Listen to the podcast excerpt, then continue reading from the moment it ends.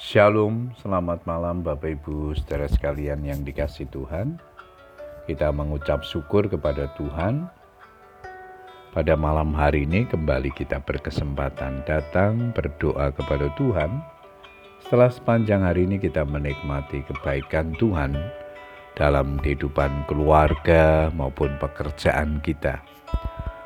Malam hari ini sebelum beristirahat saya akan membagikan firman Tuhan yang malam ini diberikan tema Hidup dipimpin roh Tuhan.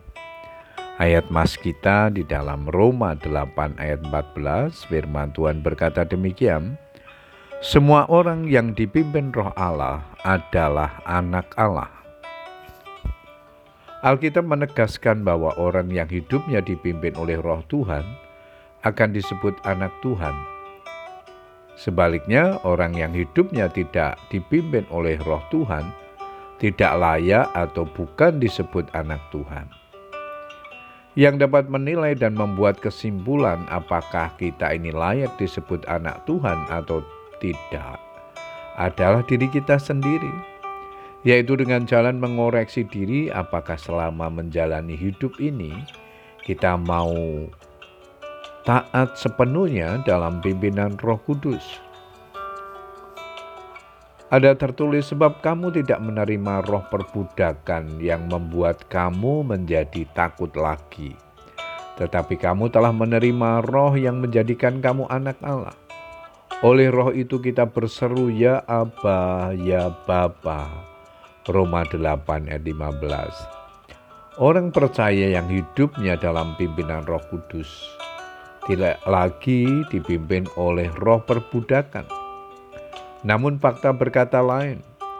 Ada banyak orang Kristen yang mengaku diri sebagai anak Tuhan, tetapi mereka masih berada dalam belenggu atau diperbudak oleh dosa.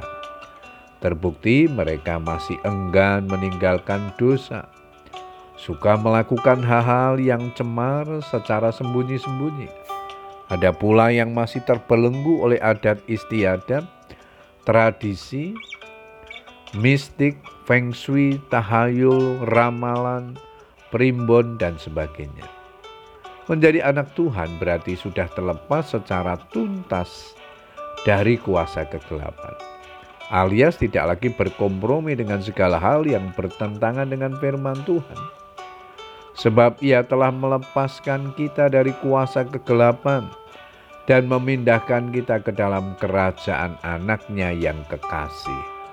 Kolose 1 ayat 13 Maka dari itu, hendaklah kamu berakar di dalam dia dan dibangun di atas dia.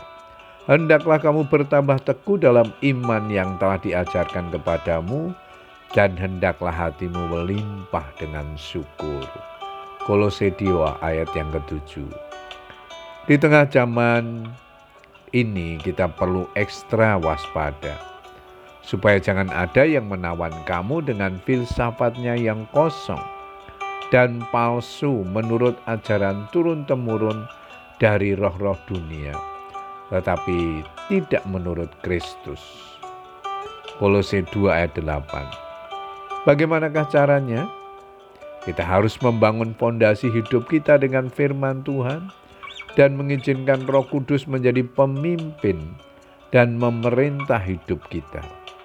Jika Roh Kudus yang memimpin, Ia akan menuntun kita di jalan yang benar oleh karena namanya.